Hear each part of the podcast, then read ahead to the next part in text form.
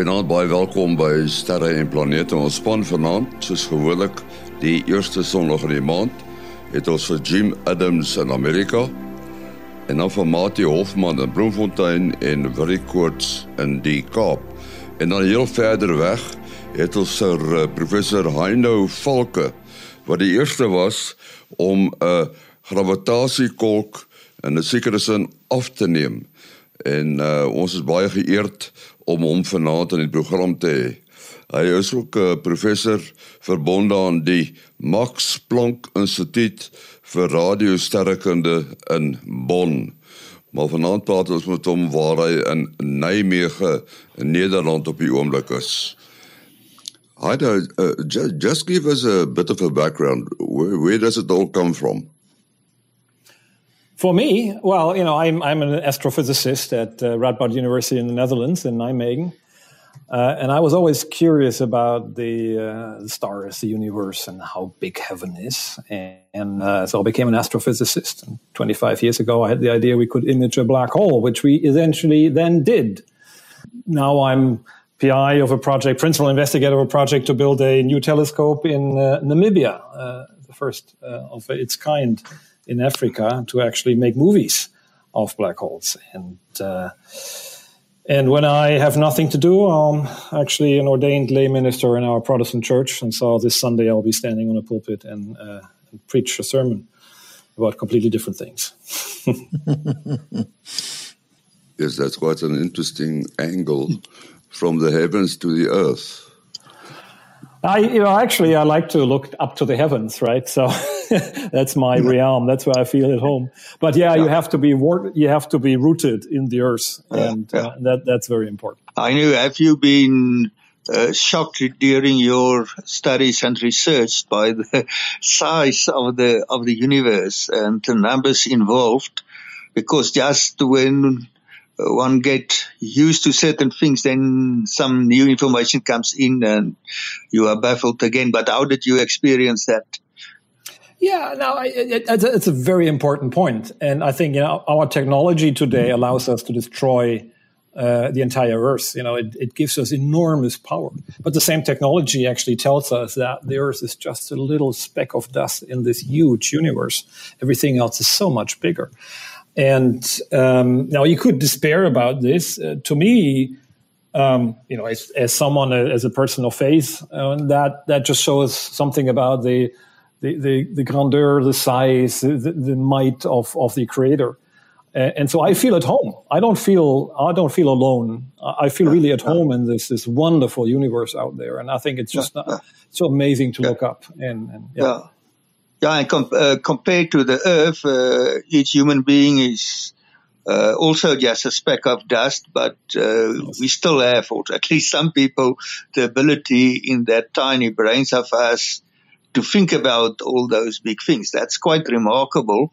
Absolutely. And, you know, think about this. We are the same particles that you know all the stars are made of and mm. and we're the smallest really of the universe and yet we can think we can love we can hope we can have faith you know everything that a star cannot and i think that's what mm. makes us special not our power yeah, yeah i think the awesomeness of the universe uh, for me i know is that no matter what we look at in the universe or what destination in our solar system we go to it's all different mm. everything is unique and then you come down to earth, and every human being, down to their DNA, is unique. We're hmm. all special in a very special universe. And I, I think that does speak uh, volumes about what the creator was doing when he put all this together.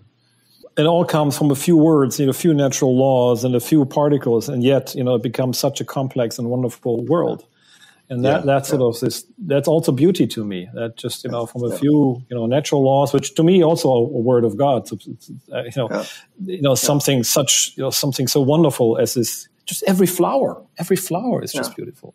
That's a question. When you when you get to uh, the, the black holes there's something a bit different to that because of uh, of the nature what may be inside the black hole that we know almost nothing about and it can be summarized in a few numbers. Uh, how should people think about the black holes and then also to, to make it a bit more practical, you were intimately involved with the first picture of a black hole, which was quite a, a tremendous achievement for, for, for astronomy and science but it's not just an ordinary picture. One should think about what that picture means. Can you, if people go, uh, uh, the people listening to the program now are very curious and go and Google uh, first picture of a black hole. Uh, how what sense should they make out of that? What meaning should it have for them? Because I, you know, that's what I thought about it. Uh, and it's uh, what, does a black hole mean actually to us as well? And, and first of all, black holes are completely boring things. I mean, compared to a flower, they're the most simple minded objects in the universe because they're only described by how heavy they are and maybe how, how much they rotate. That's all. And yet they're monsters of destruction. They're the end of space and time. This is where, you know, it's also, they're also the end of our knowledge. Uh, the point is that a black hole is where enormous amount of matters are compressed into a tiny piece of space so so small that gravity becomes the strongest of all forces, and and and this this this matter becomes is collapsing almost forever, and and so becomes smaller and smaller and smaller, and gravity becomes bigger and bigger, you know where, the matter is, and and so at some point the, the gravitational attraction is so strong that nothing can escape the grip of gravity, not even light. So light will be deflected, light will go around a circle, light will disappear, and uh, into a black hole and will never come back. And, uh, and, and that's what makes black holes so scary on one hand, but also so interesting for physicists. It's also a challenge for physicists because, you know, as no information escapes black holes, uh, there's no way you can measure what's the inside. You know, it's, I, I called them some, at some point figuratively, uh, you know gates gates to hell, right? Because you know, everything gets destroyed. You know, once you're in, you never get out. Um, so it's like you're you're dead. You cannot, you know, you could actually survive inside a black hole, but not tell anybody what what you're seeing there. So they're in, you know like really crazy objects. And Albert Einstein, you know, out of whose theory black holes emerged, actually didn't believe they would exist. He, he thought this is way too crazy. Um, and it's an insult to physicists essentially because you know you cannot measure what's the inside. And yet we now managed to see them. We actually see the darkness of the event horizon. We see the point where light disappears. We see that the galaxies in our universe have these dark hearts, and they're just commonplace in the universe. I, I was going to ask, how does one image a black hole? How do you take a picture of it? Yeah, that was the challenge a little bit. Uh, you know, 25 years ago, I was sort of, you know, thinking about how to explain the, the, the radio emission of, uh, of, of, black holes. And uh, first of all, you need to see light, right? How do you see a, a hole? Well, the only way to see a hole is to shine light at it. And then you see that some light is disappearing into the hole. It never comes back. Um, and so you see the darkness of a black hole and and uh, it turned out that some radio light is actually made right at the edge uh, of black holes, right where the darkness is, and so you can shine radio light from all directions, and you would see the shadow of a black hole rather than the black hole itself. You see the darkness. Then you need a telescope that's able to see that. And if you calculate how big this is, this is uh, like you know I, my example I give is maybe not fitting for South African um, geography, but, but it's, it's like a mustard seed in New York as seen from Europe yeah, from Nijmegen where I, I am right now. So you know, try wow. to or read try to read the New York Times in, in New York from uh, from Europe, and uh, probably the same as if you you know you try to read it in uh, in, in, South Africa from Europe.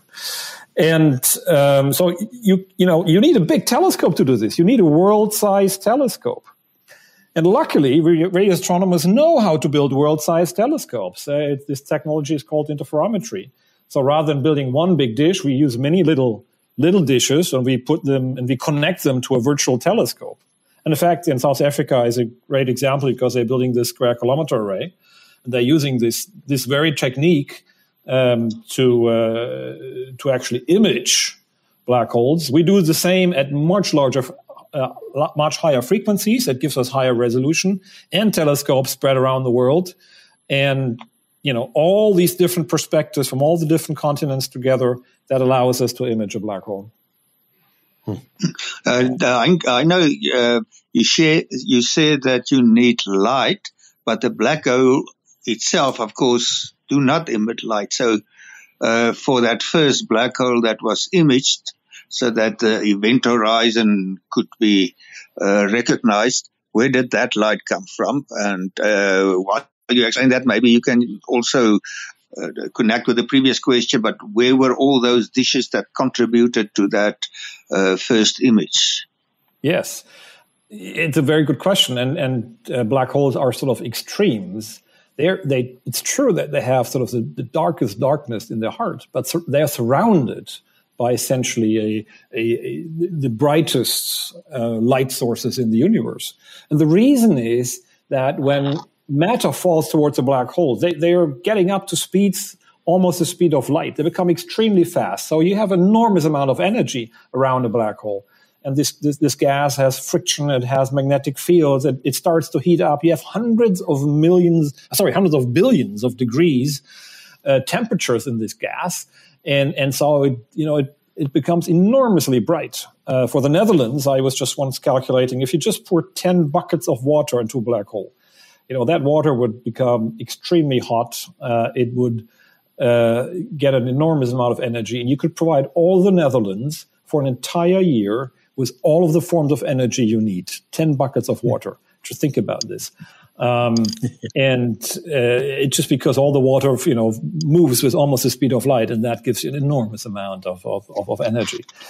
And uh, and so you have the brightest brightness and the darkest darkness next to each other. Yeah, in, in fact, uh, it's interesting that you that, that you say Netherlands and and of course the the Afrikaans word.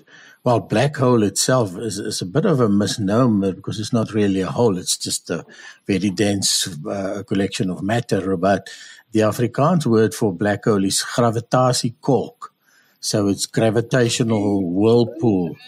And, yeah, and, uh, this is this is what's going around the black hole. Uh, uh-huh. the, uh-huh. the, the, the, the gravitatiekolk.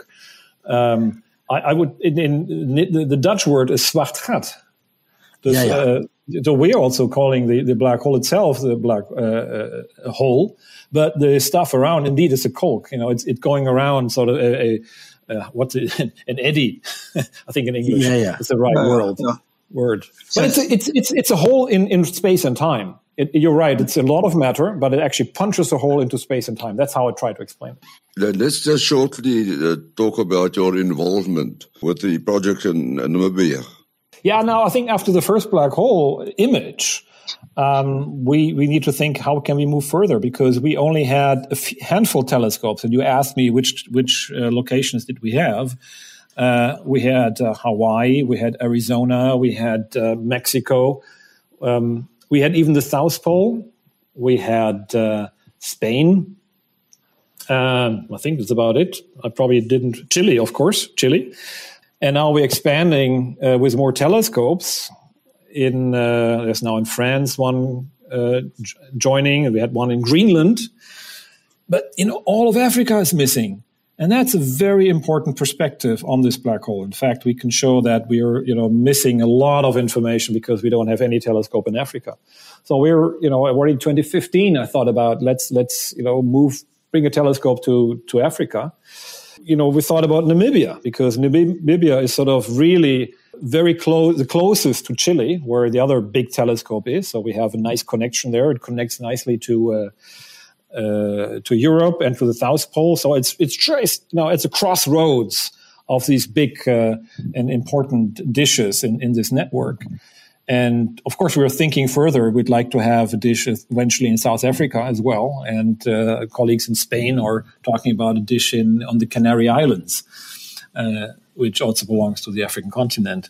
You know that then we would have a fantastic array, a network uh, where Africa would be almost a, uh, uh, the cornerstone again.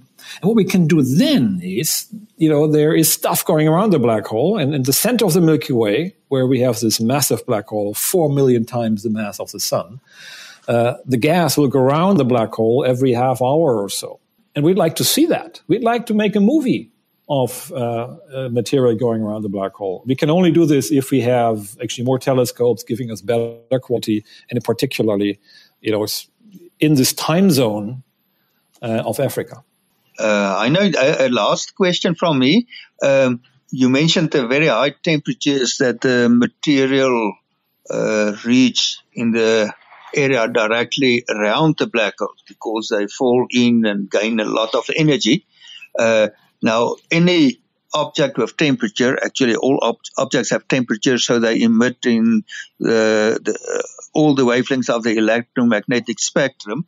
But the higher the, the temperature, uh, the more of that energy is in the form of X-rays and gamma rays, uh, and it, uh, the it may not even be visible to the unaided eye but you observe in uh, radio waves for the purpose of uh, making that those images. Um, how does it work? What fraction of the light coming from that area around the black hole is still in the radio waves? Yeah, that's a very puzzling and, and, and a question indeed, right? Why why is it not uh, or emitting at X-rays or, or, optical? Why do we use radio? Indeed, and um, the reason is that actually, our black hole is a black hole on a starvation diet. Uh, there's for compared to a you know one of these big bright black holes out there in the universe, the quasars. Uh, it's it's hundred million times uh, less of an eater. so there's very little food, very little gas falling towards a black hole, and so you know, all this gas is, you know, is, is, is very tenuous. It doesn't radiate very efficiently, but it still gets very hot and it's highly magnetized. So you get lots of electrons, which have, again, almost have actually the speed of light and very close to the speed of light. And the, the electrons will, will go around the magnetic fields, which are in this, uh, in this plasma. In fact, the magnetic fields will even shoot out some part of the plasma again in these plasma jets that we see. So they're really there are beams of plasma being shot out, shot out from the very vicinity of the black hole, and we see that in in uh, in radio emission indeed. In fact, the SKA will see lots of you know uh, black holes throughout the entire universe uh, where this where this is happening. We just zoom into the very center and there we see this, you know, what's called synchrotron radiation, you know, very relativistic electrons going around magnetic fields. And so most of the emission for our black hole in the center of the Milky Way, most of the energy seems to come out in, in radio or millimeter waves. Um, so these are very high frequency radio waves, like 200 gigahertz, 300 gigahertz. That's where the peak is. Okay, okay let, us move to our uh, own star, uh, which is the sun or SOL and the Parker Solar Probe. Now, the, this craft is at present traveling at the astounding speed of 635,000 kilometers an hour. Jim, uh, will it still go faster or is there, there a finite speed? Uh, it's it's expected to speed up even more. It will reach a finite speed once they stop adjusting the what they call the uh, perihelion. That's the closest approach to the sun. And that's actually, a lot of people are asked, well, how is it gaining speed? Because it started out a little bit slower and now it's getting faster and faster. Um, usually, when we send missions into deep space and we do like a flyby of Mars or Jupiter, we do it in order to gain speed. But what when Parker Solar Probe reaches its aphelion, which is the highest point or furthest distance from the sun, it's it's out at the Venus orbit and it encounters Venus. And the the encounter at Venus actually slows it down just a little bit so that the orbit becomes more um, rounded and um, and then that encounter also um, encourages the probe to go to move in closer and closer to the sun as it gets to its perihelion. As it gets down closer to the sun, it's constantly swooping in closer and closer to the sun, and that encourages it to gain more energy as it's coming out. It's like a slingshot method. And then it, it converts that kinetic energy, that energy that's in its velocity, into potential energy as it moves further and further out towards the orbit of Venus. And then it reaches the aphelion again, where it's it's actually slowed down to almost zero, turns around and starts coming back at the sun again. And so it just keeps uh, doing that sort of orbit, and um, it'll stay on that orbit unless we do something like encounter Venus um, to change the speed at the aphelion, and that will uh, um, affect the um, the physics and the um, the speed at perihelion. So it's expected to speed up a little bit more in uh, 2024 um, to 430,000 miles per hour. I haven't done the conversion to kilometers, um, but yeah, it'll, it'll speed up a little bit more as long as we continue to use Venus to sort of pump the orbit. Yeah. So when it gets down close to the sun, it is the fastest human-made object uh, ever. Um, and as you said, uh, 635,000 kilometers per hour. That's like um, an incredible, incredible speed. Um, if you think about it, it's only 8,000 um, miles. Shoot, I'm mixing units here, but it's only 8,000 miles from Washington, D.C. to Pretoria. You could do the math, and it would be a matter of seconds before you were yeah. there at that speed. When the mission was originally conceived, way back in the old days, um, it was supposed to go out towards Jupiter and fall back in towards the sun from Jupiter's um, orbit or distance. And at that point in time, they speculated that they could get speeds up to um, a tenth of the speed of light, which seemed rather ambitious to me. Um, but then, due to budget cuts wow. and other other things, they um, they're using Venus instead of Jupiter, uh, and that makes it like six ten thousandths of the speed of light. So it's much much much slower than than they originally planned. But you know, stupid question. I mean, I'm a visionary person. Sometimes, you know, can we use that to generate energy? If you just speed something to this, to ten percent the speed of light, I mean, that has an enormous amount of energy. You know, could you gain more energy than you put into it? So yes, you can do that. So like we gain a little bit of energy from um, our flybys of Mars on our way out to Jupiter and Saturn, for example. And the way we do that is the spacecraft actually steals a little bit of energy from the planet, which it will never miss, right? As it uh, as it does a swing by. Uh, how you would harness that yeah, that would be hmm, that would be interesting. well, that's, a, that's, that's another that. question. You know, let it crash onto whatever an asteroid.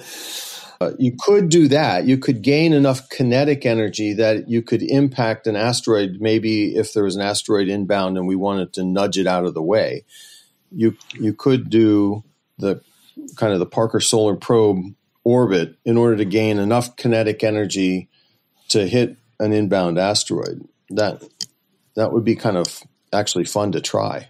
yeah, right. So oh. we just made up a new mission, didn't we? Right. So yeah. Well, we did the DART mission, right? We we sent the sent the probe yes. out to. Uh, uh, to the moon of an asteroid, and we nudged it a little bit. And, and yeah, but that was, was a little bit, right? This, this was peanuts. Right? You know, we have 10% the speed of light. You know, boy. Yeah, uh, Jim, that idea that you just mentioned about uh, using that slingshot effect to to gain energy for a probe that have to deflect an asteroid.